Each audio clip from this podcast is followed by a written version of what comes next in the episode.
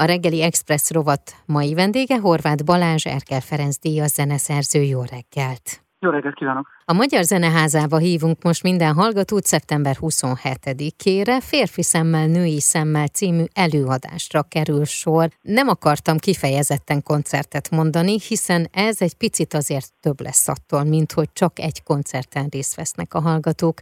Ehhez a darabhoz, vagy ha erről a darabról beszélgetünk, akkor 2010-ig kell visszamennünk. Hogyan született meg, illetve kinek hatására született meg ez a darab?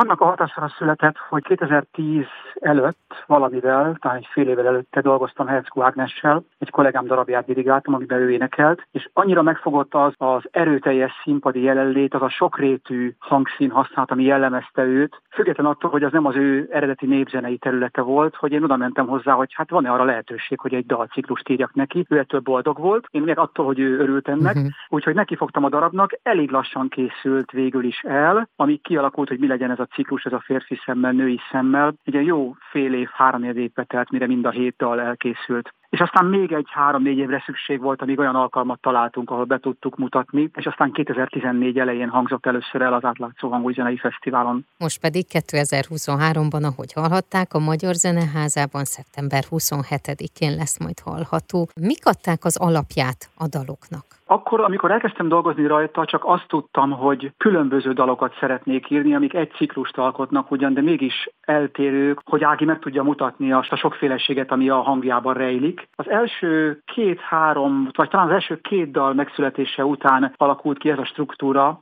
hogy olyan szerelmi témákat mutassak be, általában egyébként magyar, többnyire magyar költők szövegei uh-huh. alapján, ami több szempontból nézik, hogy mi is az, hogy szerelem, vagy mit csinál egy szerelmes pár. Ha, ahogy így jöttek sorban a szövegek velem szembe, ugye a versek megismerkedése során derült ki, hogy vannak itt olyanok, amiket a férfi szempontjából, és valamint a női szempontból tudnék bemutatni. Úgyhogy úgy állt össze a ciklus, hogy van három tétel, ami férfi szemmel, nézi mi az, az hogy szerelem, mi az, amikor az ember csak észrevesz egy nőt, mi az, amikor már már annál komolyabb a kapcsolat, uh-huh. amikor már egészen intim, és ugyanezek a stádiumok jelennek meg a utolsó három tételben, és a ciklus közepére a negyedik tételnek egy olyan darabot írtam, ahol én lényegében csak a zenei kíséretet komponáltam meg, és megbeszéltük közösen, hogy mely népdalokból válogatnánk oda részleteket, amik tulajdonképpen ilyen picit szabadon jelennek meg, és mind a férfi, mind a női szempontból tárgyalják a szerelem témakörét, és tényleg ezek csak töredékek, tehát hol csak egy verszak, van, ahol csak egy-egy szó jelenik meg különböző népdalokból, mm. és ez helyezkedik el e fölött a zenei alapanyag fölött. A népdalok mellett bármilyen más zenei stílust felfedezhetünk? Két konkrét dal van, mind a férfi, mind a női területen. Az egyik az egy chanson, amit egy Abu Nuvász nevű arab költő írt, aki hát nagyon régen, tehát még az ezres évek előtt élt. Ez egy ilyen Edith Piaf ének stílust vár el az előadótól. A másik, a női szemmel részben pedig Ella Fitzgerald nevét írtam föl én a kottára. Ez egy H. János szövegrészlet, ott pedig hát Ella Fitzgerald stílusában kell egy picit énekelni, de az összes többi más, tehát van, ami inkább ilyen zajzeneközpontú, van, ahol nagyon kevés hang szólal meg, valami inkább ritmikus, van, ami inkább statikus, tehát tényleg hét egészen különböző uh-huh. anyagról van szó. Bármit változik a szerelem, az évtizedek, századok, ezredek alatt, vagy még mindig ugyanazt jelenti, és ugyanazokat a köröket futjuk minden alkalommal. Azt hiszem, hogy évezredek alatt ugyanazokat a köröket futjuk, de mindenkinek szüksége van arra fél, egy, öt, tíz, húsz, akárhány évre, hogy keresztül menjen ezeken az állapotokon. Ebben a dalban az első pillantásra érzett szerelem, a vágy, Mondjuk ez a két első stádium, és a harmadik stádium pedig az, amikor, amikor az ember már mindent tud a társáról, ahol mélységig jut el egy kapcsolat. Uh-huh. Tehát itt tényleg ilyen mondjuk így a nulla találkozástól a sok éves, sok éves kapcsolatig tartó ívet próbálja bejárni ez a darab. A dalciklus Szabó Lőrinc, Abu Nuvász, Varró Dániel, Tóth Krisztina, Hályi János és Szilágyi Domokos versei alapján valósult meg, keltek életre, és ezen az esten az egyik költő ott lesz, és ő fel is olvas majd. Igen, és ez az ötlet két dologból jött. Az egyik az, hogy a darabot játszottuk már úgy, hogy Tóth Krisztina volt jelen, és olvasott föl, és vele közösen hárman, tehát Krisztina, Ági, meg én beszélgettünk a darabról, a szöveg és a darab kapcsolatáról. És amikor a zeneháza megkeresett azzal, hogy ezt a darabot elő tudnánk-e adni, én rögtön mondtam, hogy de milyen jó lenne meghívni egy költőt, és ők is rögtön mondták, hogy de hát ezzel akarták kezdeni.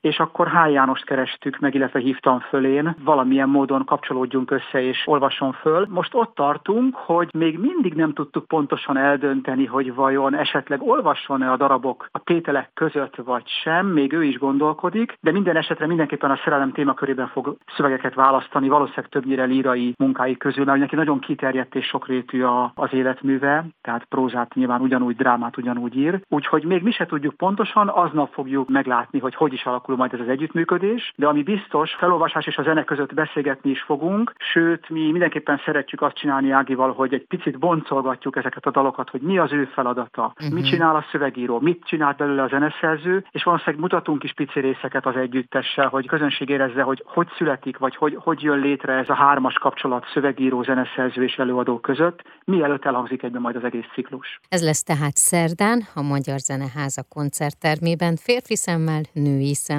ezen az előadásunk koncerten vehetnek részt. Mi fog még veled történni itt 2023-ban? Milyen feladatok, elfoglaltságok, felkérések vannak? Most szerencsére sok minden történik, uh-huh. sokszor hangzik el itt ott darabom ezen az őszön, meg a tél elején. Talán két dolgot hadd emeljek ki. Az egyik az Ötvös Péter Kortár Zenei Alapítvány, akiknek én rendszeresen tanára szoktam lenni, Vajda Gergely és Ötvös Péter és a meghívott zeneszerző mellett, és október 6-án lesz a koncert, ahol Ramon Lascano a meghívott zeneszerző, de nekem is elhangzik egy ensemble írott darabom a Danubia szimfonikusok kamara együttesének előadásában. Ez a BMC-ben lesz. A másik az pedig szintén a zeneházához kötődik. Petőfi helység kalapácsából írtam uh-huh. egy zenés színpadi darabot még tavaly a Forte Társulat részére. Horváth Csaba rendezte meg, ennek januárban volt Veszprémben a bemutatója. Most már többször elhangzott a darab itt-ott. Talán még nem elégszer, de most végre el tudjuk Budapestre hozni, és ismét a kamarazenekaros eredeti verziót tudjuk bemutatni. Ez egy elképesztően látványos előadás, ez november 19-én lesz a zeneházában. 90 perces darab, ahol a színészek már 20 perc után leizzadják a ruhát magukról, folyamatosan mozognak, beszélnek, énekelnek, szól a zene folyamatosan. Egy fantasztikus komplex előadás lett, amit mi nagyon szeretünk és nagyon közelinek érzünk magunkhoz is, és szerintünk a Petőfihez is. Nagyon szépen köszönöm, én pedig kívánom, hogy mindegyik előadás, koncert az teltház előtt zajlódjon. Köszönöm szépen. Köszönöm én is. A reggeli Express rovat mai vendége Horváth Balázs, Erkel Ferenc díjas zeneszerző volt.